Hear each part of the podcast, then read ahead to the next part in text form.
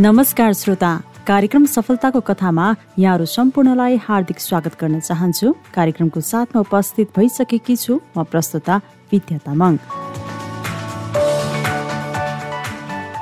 कार्यक्रम सफलताको कथामा हामी विभिन्न क्षेत्रमा निरन्तर आफ्नो लगनशीलता धैर्यता र इमान्दारितालाई आत्मसात गर्दै आफ्नो पेसामा अनवरत रूपमा लागिरहनु भएका व्यक्तित्वहरूसँग कुराकानी गर्छौँ। यो कार्यक्रम तपाईँले रेडियो क्यान्डिड बयानब्बे दशमलव सात मेगा हर्समा हाम्रो website W W W dot radio candid dot कममा हाम्रो आधिकारिक फेसबुक पेजमा रेडियो क्यान्डिडको एप्स डाउनलोड गरेर र पोडकास्टमा समेत सुन्न सक्नुहुन्छ। कार्यक्रम सफलताको कथामा आज हामीसँग हुनुहुन्छ प्रिजनर्स असिस्टेन्ट नेपालकी संस्थापक अध्यक्ष इन्दिरा राणा मगर। जसले महिला तथा बालबालिकाको क्षेत्रमा अधिकारकर्मी र समाजसेवीका रूपमा पनि देशमा मात्र नभई अन्तर्राष्ट्रिय रूपमा पनि ख्याति कमाइसक्नु भएको छ। उहाँले सन् दुई हजार पाँचमा अशोक फेलो जित्नु भएको छ। यस्तै दुई हजार चौधमा पनि वर्ल्ड चिल्ड्रेन अवार्डबाट सम्मानित हुनु भएको छ। यतिले मात्र उहाँको परिचय पर्याप्तता छैन। दुई हजार सत्रमा पनि प्रेरणादायक महिलाको सूचीमा उहाँ पर्नु भएको छ। निरन्तर अठार वर्षको उमेरदेखि समाजसेवाका रूपमा कैदी बन्दीमा रहेका बालबालिकाको उहाँले अभिभावकत्व ग्रहण गर्दै हालसम्म दुई भन्दा बढी बालबालिकालाई उच्च शिक्षा दिइसक्नु भएको छ। उहाँलाई हजारौंको साझा आमाको रूपमा पनि चिनिन्छ।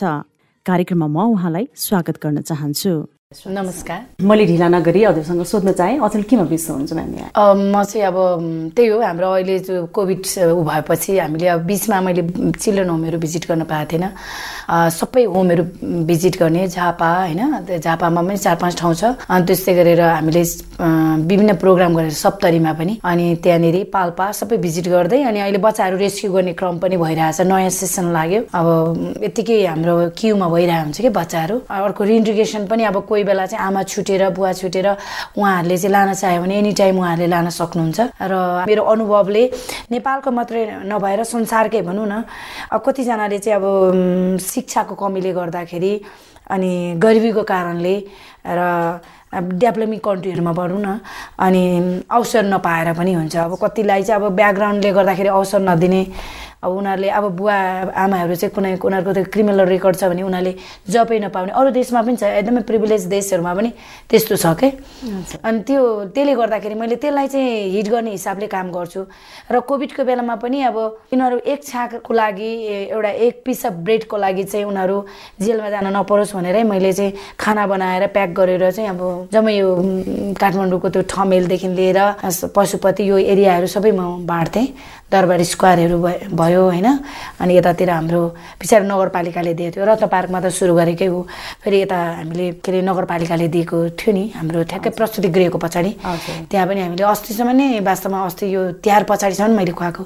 र अहिले के भयो भने मैले चाहिँ अहिले छानेर महिलाहरू दिदीबहिनी जसको उसको चाहिँ श्रीमानले छोडेको छ अथवा श्रीमान बिमारी छ अब उहाँ आफै पनि बिमारी हुनुहुन्छ काम पाइरहेको छैन त्यस्तोमा कसैलाई चाहिँ स्कलरसिप पनि दिइरहेको छु स्पेसली गर्ल्स चाइल्डलाई अनि हामीले चाहिँ अहिले हामीले प्ले ग्राउन्ड पनि बनाएर दिउँसो चाहिँ शनिबार शनिबार गरेर अरू बेला त स्कुल जान्छ। अनि उनीहरूलाई चाहिँ खेल्ने अनि खाना खाने अनि जाने। अनि मैया आमाहरू पनि आउँछ। उनीहरूलाई पनि चामलहरू दिने। यस्तो त्यो पनि व्यवस्था गरिरहेछौँ भने अब नेपालभरि भएको हामीले एजुकेसन सपोर्ट स्कुल चलाइरहेछौँ फ्री स्कुल चलाइरहेछौँ त्यस्तै गरेर हाम्रै चिल्ड्रेन होम छ पन्ध्रवटा चिल्ड्रेन होम छ एघारवटा ठाउँमा। त्यो बच्चाहरूलाई पनि म्यानेज गर्नै पर्यो। फन्डको पनि म्यानेज गर्नै पर्यो।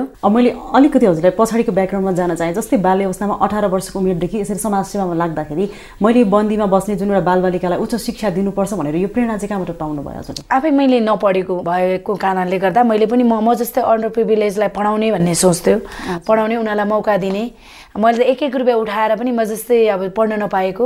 मेरै साथीको सहकर्मीहरू जो चाहिँ स्कुल गएन म चाहिँ स्कुल गएँ। म पनि जानु पाएको थिइनँ होइन? मैले त अब त्यो आफ्नो डिटर्मिनेन्टले आफूले एडुकेट गरेर मैले सिन्काले कोरेर सिकेर आफूले एडुकेट गरेर अनि एकैचोटि ग्रेड फाइभमा गएँ। र म पढ्दा पढ्दै पनि मैले दिदीबहिनी मेरो साथीहरूलाई एक एक रुपियाँ उठाएर अब बत्ती पनि हुँदैन थियो गाउँमा। कुपीमा चाहिँ बालेर बोतल कुपी पनि हुँदैन थियो बोतल हुन्छ नि। सानो सानो दबाईको बोतलहरू त्यस्तोमा चाहिँ त्यो लगाएर पाटाको त्यो हुन्छ नि रस्सी लाएर त्यसरी हामीले मैले पढाएको हो। अनि मलाई जहिले त्यो गर्ने मेरो इच्छा थियो र गाउँमै बस्ने थियो तर मेरो दरबन्डी खोज्यो त्यसपछि म काठमाडौँ आएँ। काठमाडौँ आएपछि मैले चाहिँ कामको खोजीमा मैले अमृत बोर्डिङमा जब पाएँ भनौँ न टिचर जब। अनि त्यसै अन्तर्गत मैले पारिजातसँग मेरो भेट हो। अनि पारिजात चाहिँ मेरो इन्सपिरेसन हो। उहाँले मलाई जेलमा कनेक्ट गराइदिनु भयो। अनि म जेलमा गइसक्दाखेरि चाहिँ मैले के देखेँ भने एकदमै भनेरेबल महिलाहरू। न लुगा राम्रो लगाएको छ न उनीहरूको भिजिटर आउँछ। न उनीहरूलाई थाहा नै छ कुन केसमा उनीहरू जेल गएको हो भनेर। र बच्चाहरू पनि निर्दोष बच्चाहरू आमा बाउको कारणले गर्दा मेलमा पनि मेल जेलमा पनि फिमेल जेलमा पनि पुरुष महिला दुवै जेलमा चाहिँ बच्चाहरू मैले पाएँ र अनि त्यो चाहिँ एकदमै अन्याय हो भन्ने मलाई एउटा कलिलो दिमागमा मेरो अब त्यति टिनेज हो नि त होइन। त्यो जोस होइन। मलाई त यो राजनीति भन्दा पनि म त यतातिर लाग्छु। जसले चाहिँ नेग्लेक्ट गरेको छ। यिनीहरू यो चुनौतीपूर्ण काम हो। तर म यसलाई नै मेरो गन्तव्य जीवनको गन्तव्य बनाउँछु भनेर लागेको त्यति सानो उमेरमा यसरी समाजसेवामा लाग्दाखेरि त्यो बेला भनेको नितान्त अझ भनौँ बन्दीमा बस्ने बालबालिका भनेको समाजले हेर्ने दृष्टिकोण त अभियसली नै एकदमै परिवर्तनशील थियो। त्यो एकदमै तिरस्कार त एकदमै थियो होइन? अब हामीलाई नै पनि हामीलाई पनि त्यो तिरस्कारले चाहिँ हेर्थ्यो समाजले। किन म जेल जाने? मेरो बाउ पो जेलमा छ कि आमा पो जेलमा छ कि? क्वेसन गर्थ्यो। तिमीलाई किन इन्ट्रेस्ट लागेको? अपराधीलाई होइन? तिमीले चाहिँ अपराधीलाई चाहिँ सपोर्ट गरेर अपराधीको बच्चालाई तिमीले ल्याउनु भनेको छ तिमीले चाहिँ सपोर्ट गरेको हो। तिमीले चाहिँ अपराधलाई अझै इन्करेज गर्यौ भन्ने खालको ब्लेमहरू पनि आयो। र मैले त्यसको एन्सरमा चाहिँ मैले के भने मैले के गरेँ अरूले के गर्यो मलाई मतलब छैन उसले हिजो के गर्यो केही मतलब छैन।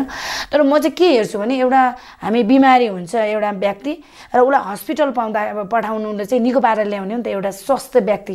त्यस्तै जेल पनि त्यस्तो हुनुपर्छ कि एउटा जसको बिहेभियरमा चाहिँ रोग लाग्यो अरे तर एउटा खराब व्यक्ति नै ल्याएर फेरि समाजमा भोलि त छुटेर आएर उसलाई केही नगर्यो भने त उसले त फेरि समाजमा नराम्रो गर्छ। र एउटा स्वस्थ व्यक्ति एउटा गुड सिटिजन चाहिँ फर्केर आउनुपर्छ जेलबाट र उसँग बिलोङ्गिङ उसँग चाहिँ जो आश्रित छन् उनीहरूले पनि त्यत्तिकै अपर्च्युनिटी पाउनुपर्छ र भोलि त्यसले गर्दा चाहिँ हामीले अपराधलाई कम गर्न सक्छौँ समाजको अपराधलाई। र हामीले एउटा चाहिँ सुरक्षित समाज सेफर सोसाइटी बनाउन सक्छौँ भन्ने चाहिँ मेरो धारणा हजुर अब त्यतिखेर त्यो संस्था स्थापना गर्दाखेरि चाहिँ आर्थिक स्रोतहरू कसरी जुटाउनु? त्यो त्यतिखेर केही थिएन। अब जस्तो पारिजात दिदीहरूले पनि लेखेकोबाट अब चस्माहरू दिने मैले लिएर जाने गर्थेँ। र अनि एउटा हेल्बिटेक्सबाट सानो प्रोजेक्ट चाहिँ आएको थियो। त्यसमा चाहिँ मानसिक बिमारीहरूलाई चाहिँ ट्रिटमेन्ट गर्नलाई लाने अब भाडासम्म धेरै थिएन त्यो पनि फन्ड अनि म चाहिँ म वास्तवमा जेलमा सुरुवात गर्ने मौका चाहिँ मैले कसरी पाएँ भने दिदी पचास सालमा बित्नुभयो तिन वर्ष त मैले काम गरेँ होइन। अन्त तर त्यो मानसिक बिमारीहरूको डाटाहरू ल्याउने यताउति त्यो चेतनाभास भनेर दिदीको एउटा परिकल्पना थियो। अनि अनि के अरे अर्को चाहिँ बचेरावास भन्ने पनि परिकल्पना थियो। अनि तर इम्प्लिमेन्ट भएको थिएन। अब दिदी खसेपछि अब त्यतिखेर चाहिँ मैले हामीले बच्चाहरू एउटा प्रोसेस चाहिँ भएको थियो जस्तो युएन युएनको ओनुसँग चाहिँ दिदी र मेरोसँगै मिटिङ भएको थियो। अब त्यतिखेर बेलामा जेलमा गएर कहिले सोसियल वर्क गरौँ भोलिन्टियर गरौँ भन्ने टाइम निकालौँ भन्ने चाहिँ थिएन। हामी जस्तो यङ बच्चा के अरे केटाकेटीहरू त अब त्यतिखेर पिकनिक जाने कहाँ कहाँ म चाहिँ त्यस्तो गर्दिनँ थियो दसैँको बेला पनि घर नगएर दिदीसँग म जेलको विभिन्न नेपालको जेलहरू जान्थेँ पारिजा दिदीसँग। अनि त्यसै गरी विन्टर भ्याक्सिन हुन्थ्यो होइन? अनि समरमा धेरै जस्तो काठमाडौँ चाहिँ दुई महिना हुन्थ्यो जाडोको बेला। त्यो बेला पनि म गाउँमा आमा बाउसँग नगएर मेरो कलेज पनि बिदा हुन्थ्यो तर म चाहिँ जेल जेल दिदीसँग जान्थेँ पारिजा दिदीसँग। त्यसरी मैले उहाँसँग काम गर्ने मौका पाएँ। त्यतिखेर चाहिँ दिदीसँग हुँदाखेरि चाहिँ मैले विभिन्न किसिमको अब कस्तो भने पोलिटिकल प्रिजनलाई चाहिँ माथिल्लो श्रेणीको चामल दिइन्थ्यो भने ओर्डिनेरी प्रिजनर जसले चाहिँ सामान्य के अरे काम क्राइम गरेर जानेहरूलाई चाहिँ कुहेको चामल दिन्थ्यो। यसको हामीले विद्रोह गऱ्यौँ। र त्यसको त्यो पनि परिवर्तन भयो। अनि त्यस्तै गरेर अब चौखण्डीको कुरा यति पर्सेन्ट चाहिँ छुट दिने उनीहरूको केस हेरेर केसको प्रकृति हेरेर अब जस्तो मर्डर केसकै कुरा गरौँ न। अब महिलालाई उसको बुढोले चाहिँ बेसरी तनाव दिएर उसले डिफेन्डको लागि कुनै महिलाले अब श्रीमान मार्यो अरे। अब कसैले जबरजस्ती कसैलाई चाहिँ जबरजस्ती गर्नु खोज्यो खोज्यो कुनै पनि व्यक्तिले अब एकजना महिलालाई। भने उसले आफ्नो डिफेन्डको लागि गर्न सक्यो भने कानुनमा त छ। तर महिलाहरूलाई त थाहा छैन नि शिक्षा त छैन नि त उनीहरूलाई। अनि त्यस्तो प्रकृति हेरेर घटना के हो त्यो अनुसार उनीहरूलाई चौखोडी दिने एउटा उहाँहरूलाई चाहिँ अब राजाको जन्म दिवसमा यस्तै अब प्रजातन्त्र दिवसमा छुट दिने भन्ने खालको थियो नि। हौ त्यसको चाहिँ फोर्टी पर्सेन्ट भनेर भन्यो साठी पर्सेन्ट भन्ने कुराहरू साठी पर्सेन्ट बिताइसकेकोले फोर्टी पर्सेन्ट मात्रै बाँकी रहेकोलाई चाहिँ छुट दिने भन्ने कुराहरू पनि त्यतिखेर हामीले चाहिँ त्यो एडभोकेसी गरेका थियौँ। अनि त्यस्तै गरेर अब टर्चर दिनुहुन्न। किन टर्चर दिइन्थ्यो नि त? त्यस्तो कुराहरू पनि हामीले सँगै उठाएको हो। अन्तर अन्तरिम सरकारको पालो थियो। कृष्ण प्रसाद स्वर्गीय कृष्ण प्रसाद भट्टराई प्रधानमन्त्री हुनुहुन्थ्यो। उहाँलाई दिदीले डाइरेक्ट फोन गर्नुहुन्थ्यो त्यतिखेर। र त्यो कुराहरू चाहिँ त्यसरी चेन्ज परिवर्तन हुँदै आएको। अब बन्दीहरूको बेसिक ह्युमन राइटको लागि हामी जहिले एडभोकेसी गर्थ्यौँ। र दिदी पचास सालमा बितिसक्नु भएपछि चाहिँ मैले त्यही पाममै बसेर काम गरेँ। र अनि पछाडि मैले चाहिँ फेरि के अपर्च्युनिटी पाएँ भने सेन्टिनेल भन्ने एउटा संस्थाले चाहिँ नेपालको जेलभरिको बच्चाहरूलाई उनीहरूलाई उद्धार गर्ने भन्ने काम आएको थियो। अनि मैले त चार वर्ष काम गरिसकेको थिएँ। त्यो भएर चाहिँ म नेपालभरि त्यो बच्चाहरूलाई आफ्नो परिवारमा लगेर इन्टिग्रेसन गरिदिने पुनर्स्थापना गरिदिने अनि अथवा अब यदि कुनै परिवार छैन भने कुनै पनि के अरे संस्थामा ल्याएर राख्ने त्यसरी काम गरेँ अनि पछिमा फेरि म दिदी त्यहाँ मेम्बर चाहिँ फेरि म लाइफ मेम्बर थिएँ। त्यहाँ दस वर्षसम्म मैले काम गरेँ यता पाममा पनि उता उनीहरूसँग चाहिँ छ महिना मात्रै गरेँ। त्यसपछि चाहिँ मैले फेरि पाममै आएर गरेँ। र बिचमा चाहिँ अब कस्तो भने हरेकमा चाहिँ अब चाहिँ म अब यङै थिएँ होइन। अब यङ मान्छे बोर्डमा पनि नबस्ने भने चाहिँ डिसिजन मेकिङ पावर नहुने। अनि कतिवटा आफू त दिनरात त्यहाँ गएर काम गर्ने अनि म महिलाहरूलाई पढाउने गर्थेँ। मेरो एउटा सानो बच्चा पनि थियो छोरी।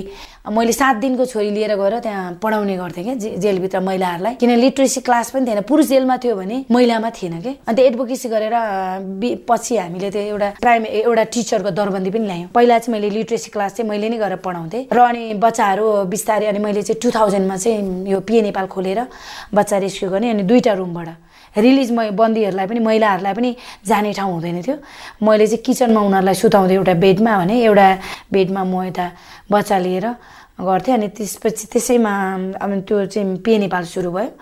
अनि मेरो एउटा वैवाहिक जीवन त भयो तर राम्रो भएको थिएन। अब उहाँले पनि अब कि त मलाई छोड कि बच्चालाई छोड भने अनि मैले म म बच्चालाई रोज्छु। श्रीमान भनेको त मलाई साथ दिने पो त होइन कामलाई। अनि मैले चाहिँ मैले बच्चालाई गरेर बच्चासँगै बसेर सुरुमा दुईजना बच्चा त्यसपछि मेरो छोरी तिनजना भयो। अलिअलि गर्दै नौजना त्यस्तै गर्दै बढाउँदै बढाउँदै पि नेपालबाट चाहिँ हामीले टु थाउजन्डभन्दा अघि नै यहाँले भन्नुभयो। हामीले हुर्काइसक्यो कोही ब्रिटिस आर्मी छ कोही नर्स छ। हामी इन्टरनेसनलमा पनि नर्सिङ काम गरिरहेछ एकजनाले।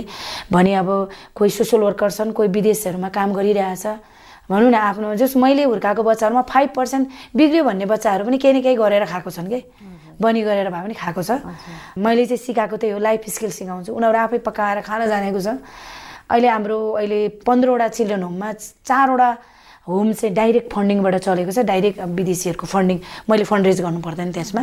र अरू चाहिँ अब ग्रान्ड लेख्ने कोहीमा चाहिँ अनि अरू रेस्ट अफ द होम चाहिँ मैले आफूले फन्ड रेज गरेर चलाउनु पर्ने। अब जस्तो कोभिडको बेलामा त एकदमै गाह्रो पनि भयो। र हाम्रो साँखोमा पचासीजना बच्चाहरू छ। त्यस्तै गरेर फोर्टी थ्री चाहिँ स्कुल छ त्यहाँ। स्कुल सानो अन्डर फाइभको बच्चाहरू आएर धेरै जसो चाहिँ डे केयर सेन्टरमा आउँछन्। अनि त्यस्तै गरेर हामीले सप्तरीमा पनि डे केयर सेन्टर तिसजना जो सीमाङ्कृत बच्चाहरू जस्तो अब डुमको भयो मुसर कम्युनिटीको हामीले यो जो फाउन्डेसनसँग मिलेर हामीले चौधवटा घर पनि बनाइदिउँ बाढी पीडितको बेलामा। त्यस्तै गरेर झापामा चाहिँ मेरो बुवाले दिएकै जमिनमा मैले टु थाउजन्ड फाइभमा मैले अशोका फेलो पाएको पहिलो स्टिपेन पाएँ बाइस हजार थियो। मैले चाहिँ एकदमै त्यो भनेको मैले त्यो पहिलोचोटि पाएको अवार्ड हो। त्यो चाहिँ राइट ठाउँमा काम गर्छु भनेर मैले झुपडी जस्तै घर टिन लगाएर अनि बाँसको ऊ बनाएर आफैले लिपेर मैले स्कुल्स खोलेँ कि अल्टरनेटिभ स्कुल खोलेँ। त्यही स्कुलले अहिले प्राइमेरी स्कुल भएको छ र सरकारले पनि रिकगनाइज गरेर सरकारी दरबन्दी छ सरकारको भयो भनौँ न। जमिन चाहिँ मेरो बुवाले मलाई दिएको जमिन मैले डोनेट गरेँ। अनि त्यसमाथि चाहिँ फेरि अरू भवन फेरि आधा कट्टा त्यहाँ किनेको छ। अर्को बोइज होममा हामीले चाहिँ फेरि तिन कट्टा किनेर अहिले त्यहाँ पनि पाँचवटा होम छ। अनि हाम्रो एकजना सम्धिनी भन्ने हुनुहुन्छ। अनि कमला फाउन्डेसनबाट उहाँहरूले अनि उहाँहरूले चाहिँ दुई बिघा जग्गा चाहिँ हामीलाई किनिदिएर त्यहाँ चाहिँ एउटा होम चाहिँ सस्टेनेबल होम खुदनाबारीमा चलाइरहेछौँ त्यस्तै गरी पाल्पामा पनि छ। यहाँ बुढा नीलकण्ठमा हाम्रो पाँचवटा छ अनि नयाँ बजारमा चाहिँ मैले सानैदेखि हुर्काएको ठुलो छोरीहरू छ भने सानो सानो बच्चाहरू मैले नै मैसँग सुत्छ सातजना बच्चा। जस म मेरो बेड पनि म चाहिँ चा दुई तिनजना बच्चासँग सेयर गरेर बस्छु। हजुर अब हजुरले भन्नुभयो आर्थिक स्रोत हामीले बाहिरबाट पनि जुटाइरहेको छौँ तर सबै यो जति संस्थाहरू चलाउनुको लागि जुन बालबालिकाको अभिभावक ग्रहण गरिरहनु भएको छ उनीहरूको लागि उच्च शिक्षाको लागि त्यो फन्ड छैन उच्च शिक्षालाई भनेर हुँदैन बच्चाको निड हेरेर अब हामीले बच्चाले राम्रो छ भने उनीहरूलाई जब अठार वर्ष पुगेपछि केही जब दियो होइन पे नेपालमै अब पकेट मनी दिने कलेज पढाउने अनि उनीहरूले पनि हेल्प गर्ने। धेरै जसो हामीले नै हुर्काएको बच्चाहरूले काम गरिरहेको छ जसले राम्रो पर्फर्मेन्स गरिरहेको छ हायर स्टडीको लागि पनि हामीले सपोर्ट गरिरहेछ अर्को छोरीले पनि एकजनाले यसपालि दुईजनाले मास्टर डिग्री गर्यो अब यसरी आफ्नो सन्तानको रूपमा उनीहरू हुर्किँदै गर्दाखेरि उच्च शिक्षा लिँदा लिँदै गर्दाखेरि जस्तै देश विदेशमा रहँदा पनि आमा भनेर जब हजुरलाई सम्झिनुहुन्छ हजुरले कस्तो अनुभूति गर्नुहुन्छ मलाई खुसी लाग्छ जस्तो अहिले ब्रिटिस आर्मी भएको छोरा आठ वर्ष भयो ऊ ब्रिटिस आर्मी भएको। म सँगसँगै म त माउन्टेन बाइकर हो नि त मसँगै म साइकल हाम्रो बच्चाले माउन्टेन बाइक हामीले सबै किसिमको अपर्च्युनिटी छ अहिले भर्चुअलकोमा एकजना एसिया फर्स्ट भयो। अनि के अरे एउटा केटा चाहिँ एसिया सेकेन्ड भयो अर्जुन तामाङ भन्ने। अनि त्यस्तै गरेर अर्जुन गुरुङ अर्जुन गुरुङ भन्ने चाहिँ एसिया सेकेन्ड भयो। अनि एकजना छोरी मैले सानैदेखि त्यही जेलमै जन्मिएको। उसलाई चाहिँ उसले चाहिँ अब पहिला अठार अन्डर एटिनसम्म उसको बर्थ सर्टिफिकेट थिएन। आमा त्यतिकै सानो दुई महिनामै छोडेर भाग्यो। अनि त्यसपछि अहिले अस्ति नै दुई वर्ष अगाडि मात्रै उसको बर्थ सर्टिफिकेट भयो। त्यही हाम्रै के अरे मेयर साहबले चाहिँ बसिदिनु भयो के अरे मुचुल्का गरिसकेर हामीले गरिसकेपछि उहाँहरूले चाहिँ संरक्षक बसेर उहाँहरूले बस्दाखेरि नागरिकता बन्द रहेछ कि? अनि अन्डर नाइन्टिनमा अन्डर फिफ्टिनमा परेको थियो। अन्डर नाइन्टिनमा पनि नेसनल गेममा छानिएको। यसपालि फेरि अन्डर एट्टिनमा छानिँदा ठ्याक्कै नागरिकता पनि भयो। अनि हिजो चाहिँ इन्डिया गेम खेलेर आयो। हजुरले समाजको लागि निकै प्रेरणादायक काम गरिरहनु भएको छ। अब यसरी एकल महिला एकातिर हुनुहुन्छ भने यतै संस्थाहरू चलाउनुको लागि सबैको अभिभावक तत्व आमा भएर हिँड्दाखेरि कसरी समय व्यवस्थापन गर्नुहुन्छ? यस्तो छ म एक्लैले गर्न सक्ने होइन। त्यही भएर मैले चाहिँ अर्को प्रोग्राम मैले यसै सन्दर्भमा भन्छु। अन्डर फाइभको लागि चाहिँ आमाहरूसँगै हामीले जेलमा राखेर न्युट्रिसन फुड प्रोभाइड गर्ने बेसिक निड्सहरू लुगादेखि लिएर डाइपरदेखि लिएर ल्याक्ट्रोजनदेखि लिएर सबै दिन्छौँ। अनि तर कोही कोही चाहिँ आमाहरूको चाहिँ मानसिक स्थिति कमजोर छ अथवा बुवाले आमा मारिएर गएकोमा त सानो बच्चा पनि हामी रेस्क्यु गरेर ल्याउँछौँ। त्यो चाहिँ स्पेसल होम मसँग बस्छ ती बच्चाहरू। र अब मैले चाहिँ नि हरेक छोरीहरूलाई चाहिँ आमा भन्न सिकाएको छु। एउटा आमाको साइनोले पनि एउटा अधिकार फिल गर्दछ कि बच्चाले। जस्तो मलाई आमा भन्छ नि बच्चाहरूले अनि यो हाम्रो आमा हो भन्ने उसलाई अधिकार मेरो अधिकार हो होइन। मेरो आमा हो भने मैले मेरो अधिकार खोज्ने अधिकार हो भन्ने त्यो अधिकार दिएको छ भने हरेक हाउस मदरलाई मम्मी भन्छ कि। हाम्रो यहाँ पाँचवटा होम छ त्यहाँ मम्मीहरू छ अनि त्यता यतापट्टि झापामा पनि छ सबै त्यहाँ चाहिँ मम्मी र बाबा छ। यस प्रिजनर्समा कुनै पनि बालबालिका जस्तै उनीहरूको अभिभावकहरू चाहिँ जेलमा रहेका छन् भने यहाँ चाहिँ हजुरहरूले चाहिँ कसरी उनीहरूलाई एडप्ट गर्ने एउटा जुन एउटा हाम्रो कागज हुन्छ हामीले पहिला निवेदन लिन्छौँ। अनि भर्सकै हामीले अब गाविसको निवेदनहरू पनि माग्छौँ। अब कोहीसँग त डिस्कनेक्ट हुन्छ गाविसँग जेलर साहबले कि त एउटा जेलर साहबले चाहिँ सिफारिस दिने उसको आमा फल्नाको चाहिँ आमा भित्र छ भनेर त्यो लिन्छौँ। तर कस्तो केसेसहरू छ भने आमाकै नागरिकता छैन कि? त्यस्तो अवस्थामा अब कतिजना संस्थाहरूले चाहिँ नागरिकता नभएको बच्चा नलाने जन्मदर्ता नभएको बच्चा नलाने भनेको छ मैले चाहिँ नाइ भन्न सक्दिनँ। एउटा एउटा जन्मदर्ता नभएको बच्चाले पनि एउटा बाल अधिकार त हुनु पऱ्यो नि उसको पनि। मैले उसलाई पनि ल्याएर अनि बरु प्रोसेसमा जाने जुन आठवटा बच्चाले पाएँ नि उसको आमाकै जन्मदर्ता नभएर नागरिकता नभएर हो। अनि पछि आमाहरू नै अब डिसिपिएर भएपछि हामीले चाहिँ अब कैयौँ वर्षसम्म नआए देखा नपरेपछि चाहिँ हामीले कोहीलाई चाहिँ अब मिडियाबाट दिउँ होइन यसको छैन भनेर भनिरहेको छु। अनि त्यसरी चाहिँ हामीले अस्ति जन्मदर्ता बनाएर तिनजनाले नागरिकता पाएँ एउटालाई चाहिँ मैले आफैले एडप्ट गरेँ। हजुरले जस्तै एडप्ट गर्ने कुरा गर्नुभयो बिसाइड अब नानी पनि हुनुहुन्छ उहाँभन्दा बाइक पनि हजुरले एडप्ट गरिरहनु भएको छ। अनि उनीहरूले सेयरिङ गर्ने अब उनीहरूको त्यो अब मसँग भएको बिलोङ्गिङ उनीहरू दे हेभ टु सेयर अनि तर मेरो छोरीलाई पनि भनेको छु मैले जुन जग्गा मैले अवार्डको पैसाहरूले चाहिँ अब जमिनहरू गरेको छु जमिनमा इन्भेस्ट गरेको छु जमिन संस्थाहरूलाई कमाउन दिइरहेको छु। भोलि तिमीले बस्न बेच्न पाउँदैन यो चाहिँ संस्थाले नै युज गर्नु पाउ पाउनुपर्छ भन्ने पनि भनिरहेको छु छोरीलाई। अब छोरीले नै पाएको चाहिँ अब जस्तो अब मामाले दिइरहेछ उसलाई होइन? दाइजो दिइरहेछ नि त अर्को यता हाम्रो सानीमाको आमाले ए सानीमा छु सानीमा मेरो सानीमाको छोरोले पनि दिएछ। अब त्योहरू चाहिँ अब उसले आफ्नो खुसी हो। र भर्सकी चाहिँ कुनै पनि छोरीहरूले त्यो बस्न पाउने। अब भोलि अरू बच्चाहरू नै बन्दीकै बच्चाहरू पनि मलाई आमा भन्ने बच्चाहरूको घर बिन होला। उनीहरू पनि राम्रो पर्फर्मेन्स गरेर त्यो ठाउँमा बस्न पाइने। अब बदमास गर्छ भने चाहिँ नट नट अलाउ हाम्रो एरियामा नो स्मोकिङ नो अल्कोहल भनेर राखेको छौँ। हजुर। अब आज यसरी अन्तर्राष्ट्रिय रूपमा ख्याति कमाइरहँदा र विगत जुन बेला आफूले एउटा स्टार्ट गर्दाखेरि संस्था स्टार्ट गर्दाखेरि अझ भनौँ त्योभन्दा अगाडि नै समाजसेवाप्रति समर्पित हुँदै गर्दाखेरि यो अन्तरालमा दुई दशकभन्दा बढीको अन्तरालमा त अनवरत रूपमा लागि नै रहनु भएको छ। होइन आफूले कस्तो फरक पाउनु भयो त्यो समय र आजलाई मैले सुरुदेखि नै मैले त आफ्नो सक्सेस मेजर गरेँ। मैले सक्सेस छुइनँ भन्दिनँ। अनि कति मान्छेले तपाईँको पछि के अरे लेगेसी को हो त? भन्छ नि उत्तराधिकारी को भन्छ नि। मेरो लेगेसी चाहिँ जो जो मान्छेले मलाई अन्डरस्ट्यान्ड गर्छ जो मान्छेले चाहिँ जो मान्छे इन्सपायर जसलाई मैले इन्सपायर गर्छु नि उनै मेरो लेगेसी हो। जस्तो म पारिजातको लेगेसी उहाँले मलाई इन्सपायर गर्नुभयो। मलाई गर नै त भन्नुभएको थिएन नि त। सो मैले जबरजस्ती यो नै हो भनेर मैले खडा गर्ने होइन कि? जो जसले अन्डरस्ट्यान्ड गरेर अहिले मेरो पाथलाई फलो गरेछ त्यो मेरो लेगेसी भयो मेरो उत्तराधिकारी भयो। र म चाहिँ के भन्छु मेरो सक्सेस चाहिँ मेरो सक्सेस चाहिँ म त प्रत्येक दिन म हेर्छु। एउटा बच्चालाई एउटा पीडित बच्चालाई भनेरेबल बच्चालाई रोइरहेको बच्चालाई हँसाउने एउटा पीडित बच्चालाई मैले एउटा बेटर लाइफ दिनु भनेको राम्रो जिन्दगी दिनु राम्रो शिक्षा दिनु त्यो म सक्सेस ठान्छु। अहिले आज जति पनि बच्चाहरू आफ्नो ठाउँमा उभिएको छ त्यो नै मेरो सक्सेस हो। म चाहिँ सक्सेसलाई यसरी मेजर गर्छु। र म चाहिँ अहिले मैले पछाडि हेर्ने हो भने पहिला म आफै डेरा डेढ सौ रुपियाँको डेरामा बस्थेँ। एउटा काँक्रोबाट एक ग्लास पानी पनि यहाँ स्वच्छ पानी पाउँदैन थियो काठमाडौँमा। म त्यो अफोर्ड गर्न सक्दिनँ थिएँ छ रुपियाँको भात खान्छ बाह्र रुपियाँ प्लेट भात हुँदा आधा प्लेट भात छ रुपियाँमा दिन मिल्छ भनेर खाने मान्छे मै हो। खाली खुट्टामा हिँड्ने मान्छे मै हो। गोरखकालीले के अरे रनिङ प्रोग्राम गर्दाखेरि म्याराथुनमा म विदाउट सुज यहाँ यो काठमाडौँमा रनिङ गरेको छु। भने म अहिले जुन ठाउँमा छु त्यो मेरो सबैभन्दा ठुलो सक्सेस हो। हजुर। आज यसरी सफलता पाइरहँदाखेरि योसम्म आउनको लागि चाहिँ आफूमा के पाउनुभयो एउटा आत्मविश्वास रह्यो कि धैर्यता रह्यो के रह्यो त? आत्मविश्वास धैर्यता अनि मेहनत मेहनत ठुलो कुरा अनि इमान्दारिता ठुलो कुरा। जस्तो तपाईँको मैले पारदर्शी गरिनँ भने इमान्दारिता देखाइनँ भने कसैले पनि त मलाई विश्वास गर्दैन नि। त्यो इमान्दारिता र मेरो हार्डवर्किङ नै अनि मेरो जुन बच्चाहरूप्रति गर्ने प्रेम अनि अहिले जुन मैले आमाको दर्जा पाएको छु जहाँ जहाँ आमा बन्ने मैले कोसिस गरेँ र आमाको जुन एउटा पद पनि दिएको छ त्यो नै मेरो सक्सेस हो। हजुर। अनि आमा एलोइज ग्रेट लिडर भन्छु। बाउ पनि ग्रेट लिडर हुनसक्छ ऊ आमा बन्यो भने। र महिला नारी नै सबै नारी आमा हो भनेर चाहिँ म भन्दिनँ। सबै नारी आमा बन्न पनि सक्दैन। So we need to try पुरुष पनि आमा बन्न सक्छ तर नारी आमा बन्न सक्दैन नारी नारी हुँदैमा।